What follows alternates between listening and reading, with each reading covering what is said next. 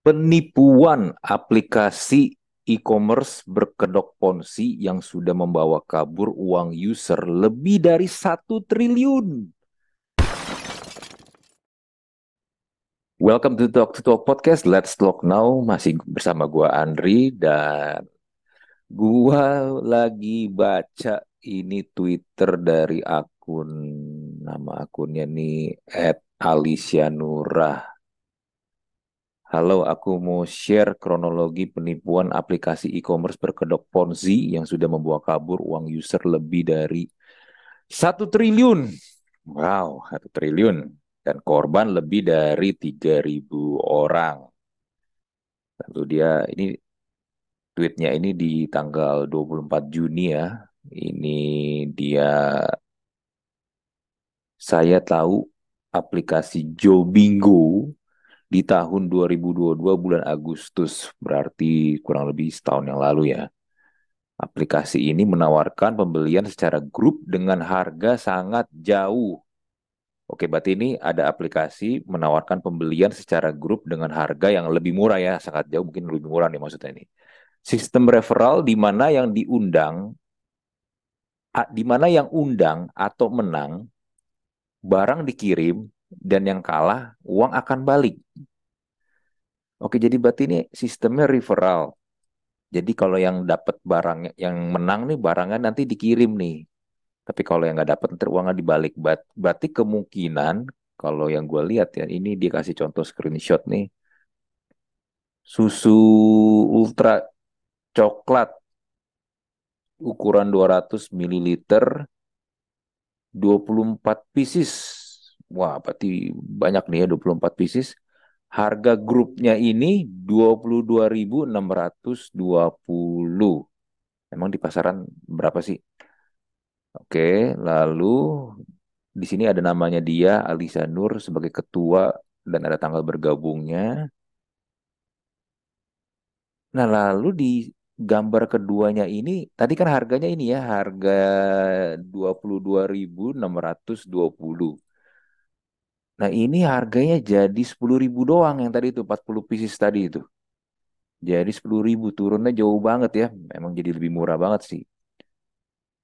Oke, berarti sistemnya gitu tuh. Mereka menawarkan barang, tapi sistemnya referral. Jadi yang undi, yang undang sama yang menang itu tuh yang barangnya dapat tuh dengan harga yang murah banget tadi ya.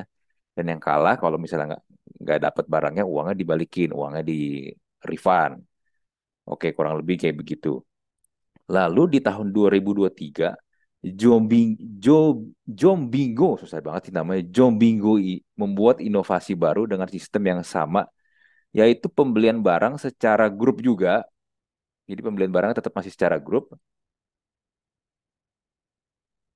Tapi yang membedakan adalah user yang menang bisa memilih barang tersebut dikirim atau tidak dikirim. Oh, oke. Okay. Kalau tadi kan beli barangnya tuh di awal-awal barangnya kita bayar dengan harga yang murah sekali tadi itu jauh di harga pasaran, tapi barangnya dikirim. Nah, kalau yang ini barangnya nggak perlu dikirim, tapi bisa mendapatkan fee. Bisa mendapatkan fee nih, oke. Untuk user yang kalah, yang kita tadi sistemnya kan kalau nggak dapat barangnya, uangnya tetap dibalikin plus ada uang partisipan. Oh, oke. Berarti menang nggak menang kalah nggak dapat barangnya atau dapat barangnya tetap dapat duit nih ya. Ada lagi dapat fee lagi yang kalah pun ada uang partisipan lagi. Jadi ini seakan-akan nih bener-bener memang win-win semuanya nih ya. Nggak nggak ada yang rugi sama sekali. Lalu dilanjutin sama dia nih.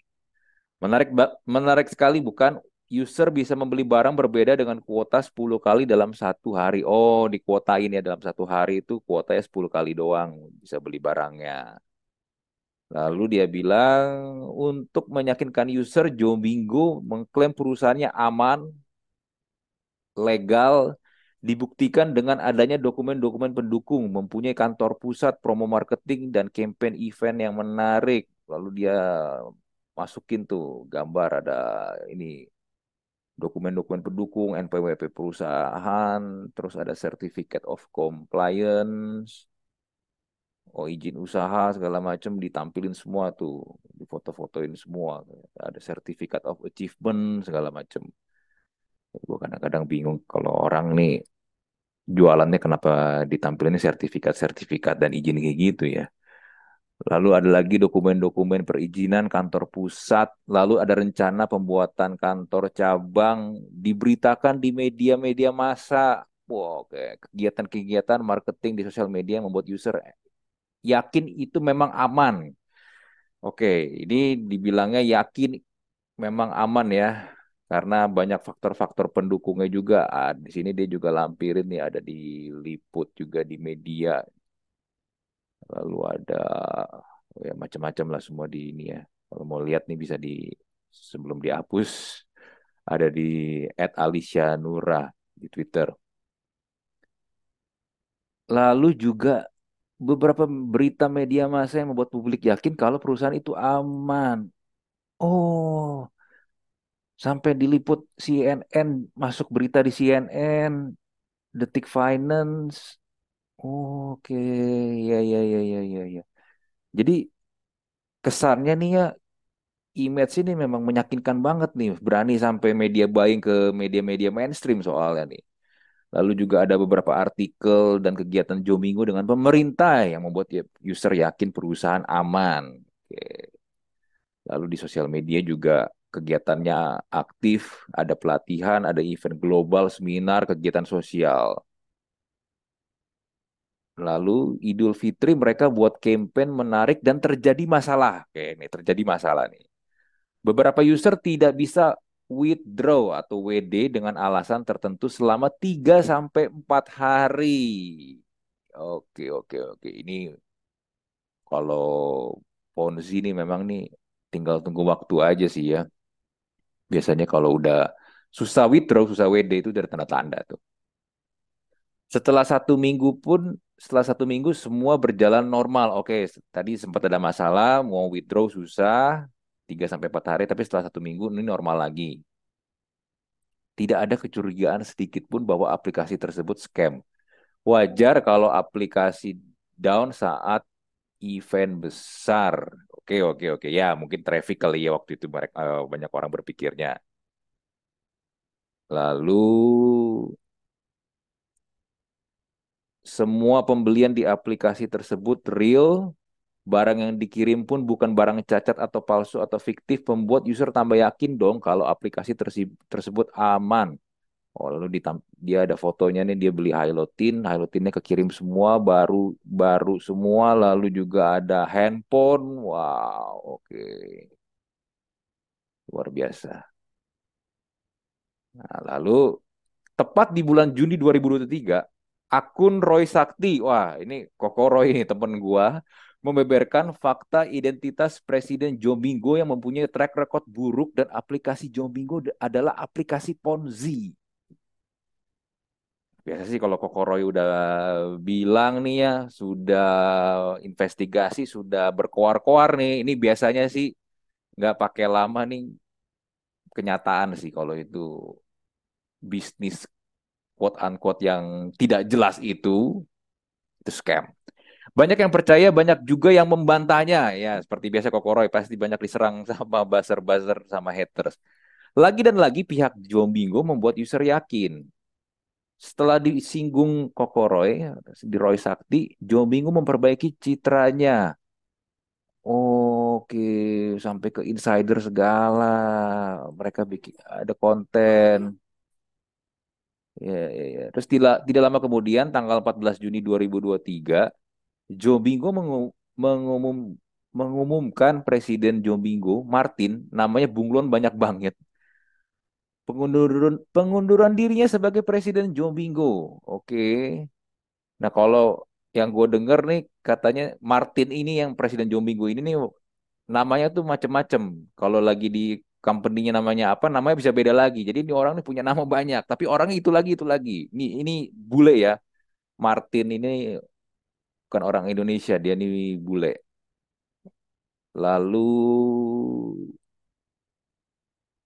maaf guys, revisi itu tanggal 17 Juni. Oke, kita tadi salah ketik tanggal. Dari rentan waktu huru hara, sampai penurunan Presiden Jombingo, Jombingo menawarkan penawaran sangat menarik untuk menumbuhkan rasa percaya dan withdraw berjalan dengan baik bahkan lebih cepat dari biasanya.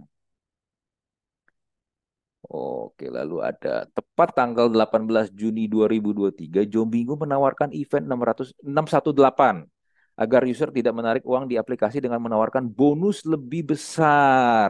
Oke, oke, oke. Berarti ini berusaha supaya ditahan supaya user nih nggak pada tarik duit nih. Duitnya kayaknya udah tinggal dikit.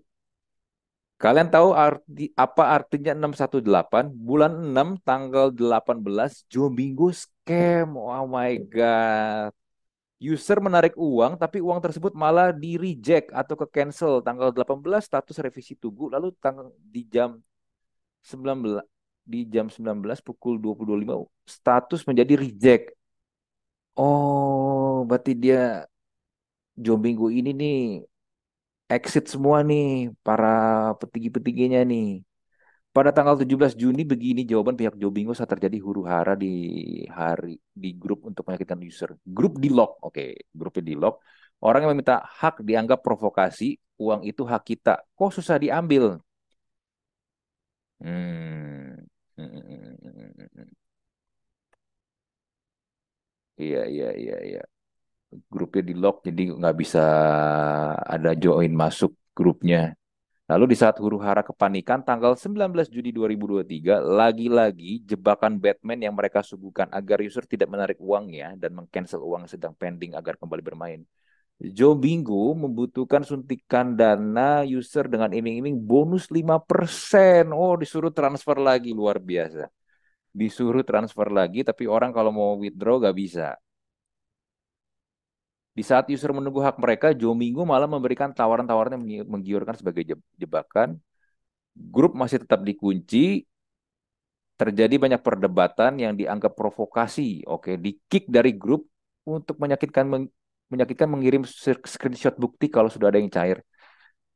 Entah punya privilege apa sehingga bisa cair. Lagi-lagi janji, oke, ada jadi dikasih lihat ada yang bisa cair ya. Tapi kan kalau yang bisa cair atau enggak itu kan kalau cuma screenshot siapa pun bisa bikin, bisa diedit gitu loh. Malah diiming-imingi bonus. Bonus untuk yang top up, disuruh top up lagi luar biasa. Lalu ini jawaban dari mereka. Lagi-lagi event yang lebih besar tidak ada pertanggungjawaban sama sekali. Anggota diberitahu bahwa anggota yang ditolak. Oke. Iya, iya, ada event lagi, promosi lagi.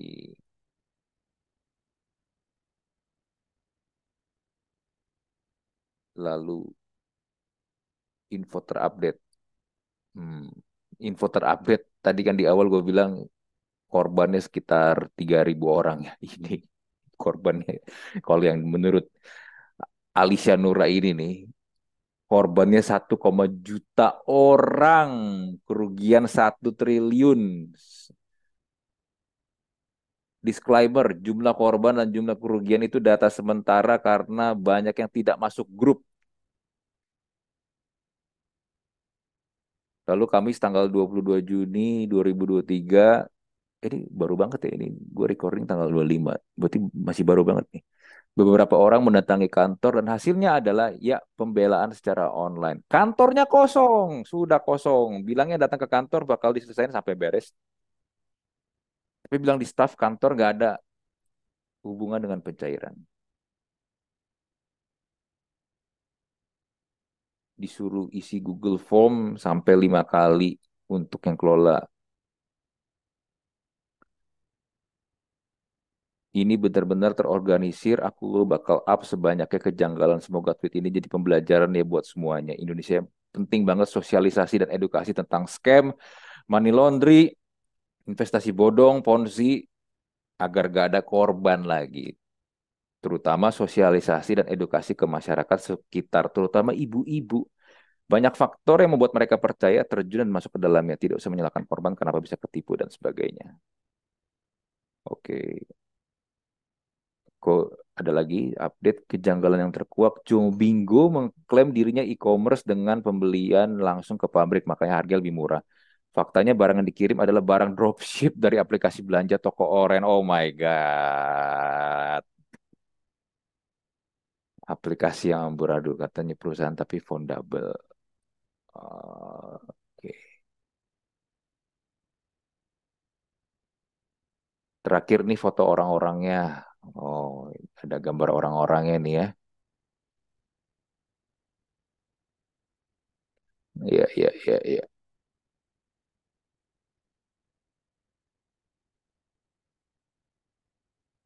Oh, dia sempat komen di IG-nya Joe Minggu mempertanyakan nasib uangnya.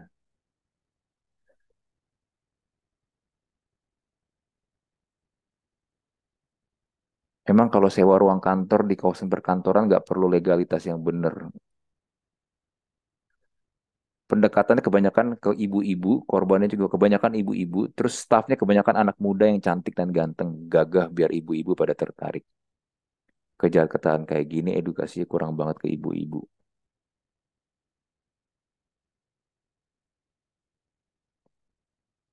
Oke, oke.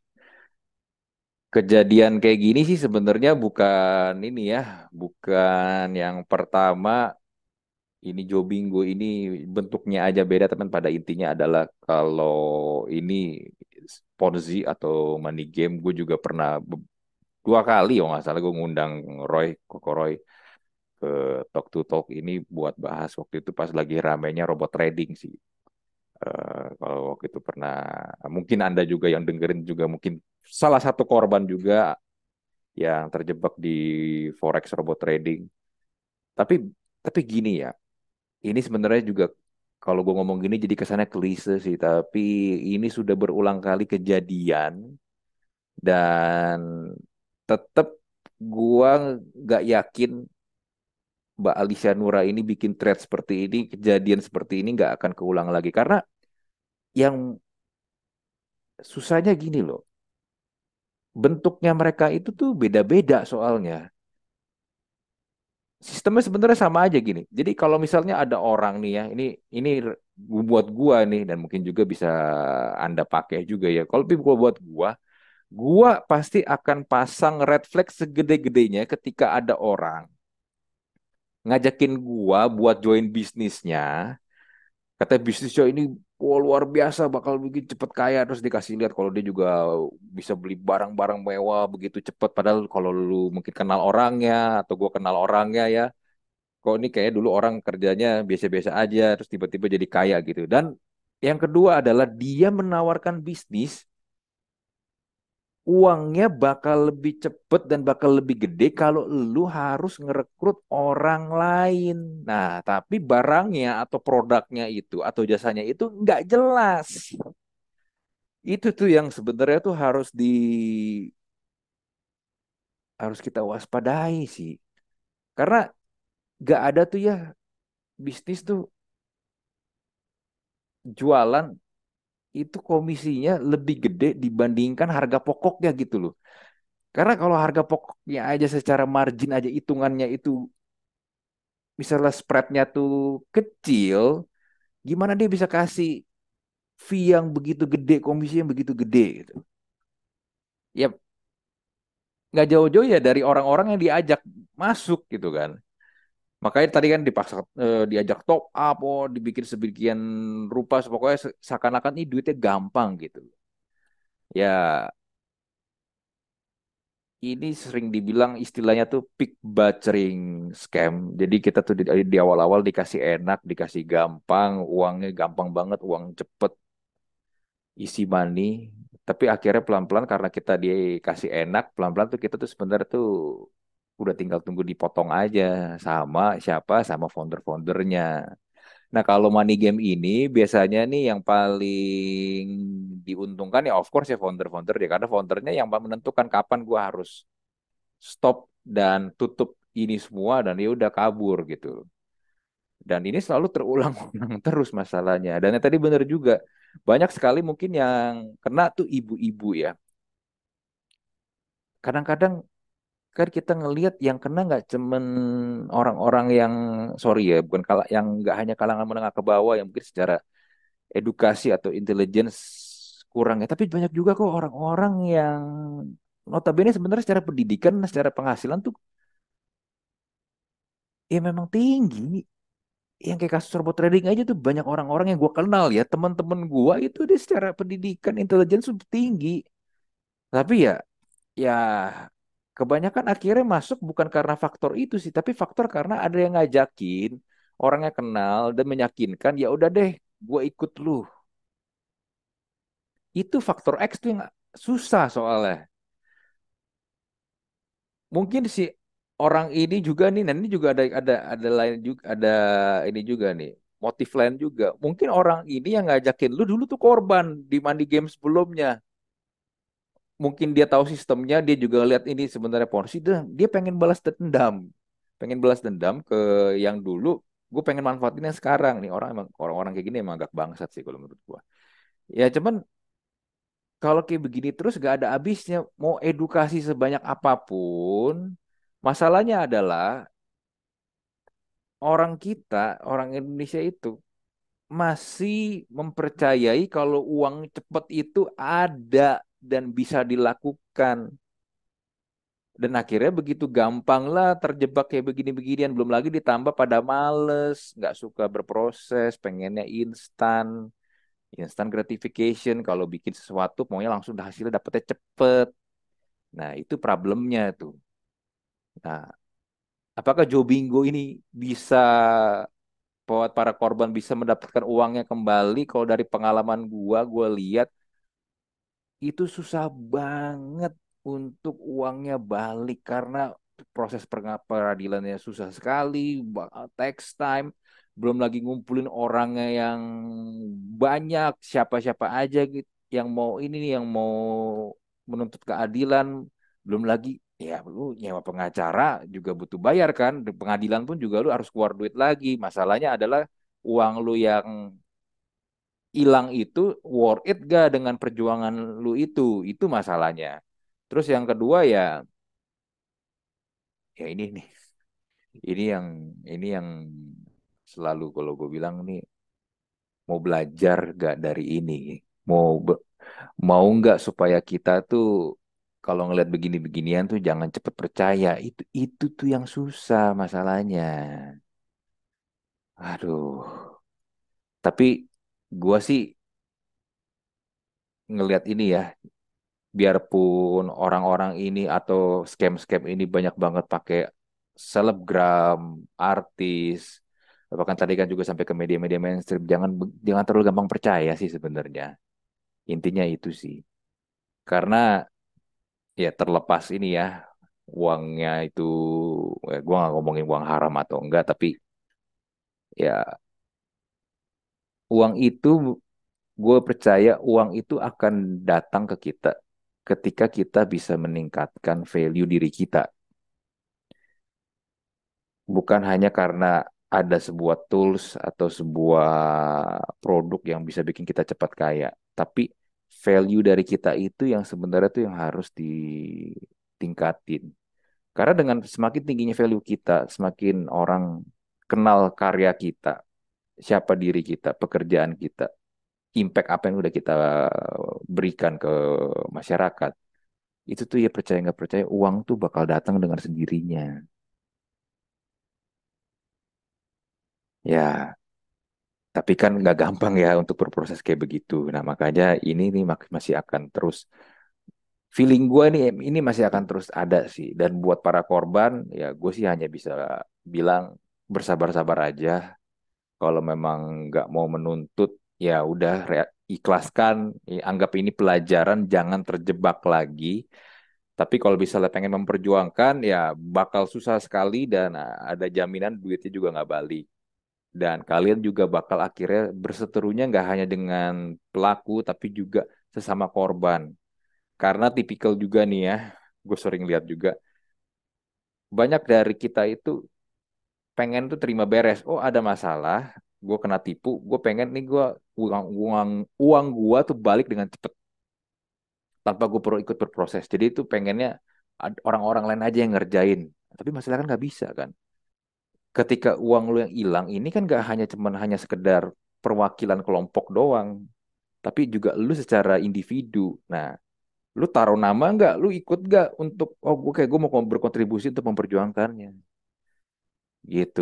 Jadinya ya ya gue sih nggak bisa bilang banyak ya karena ini udah kejadian kesekian, kesekian kalinya tapi ini melihat jumlah uang yang besar lagi-lagi ini uang yang besar ya gue harap sih jangan sampai yang nggak kena nih juga jangan ikut-ikutan lah ya apa pun bentuknya ya apa pun bentuknya kayak tadi gue di awal red flagnya adalah kalau ada orang nawarin bisnis tapi bisnisnya itu udah harus rekrut orang dan pendapatan lu lebih gede ketika lu ngerekrut orang dibandingkan lu jual produknya itu lu harus memberikan red flag sebesar-besarnya. Nggak usah pedulikan tuh siapa pun yang ngomong siapa pun yang ngajak tapi lu harus hati-hati terhadap itu. Karena biasanya ini terjadi karena ajakan orang-orang dekat. Itu. Oke. Sekian dari gua kita jumpa lagi di Talk to Talk episode berikutnya. Bye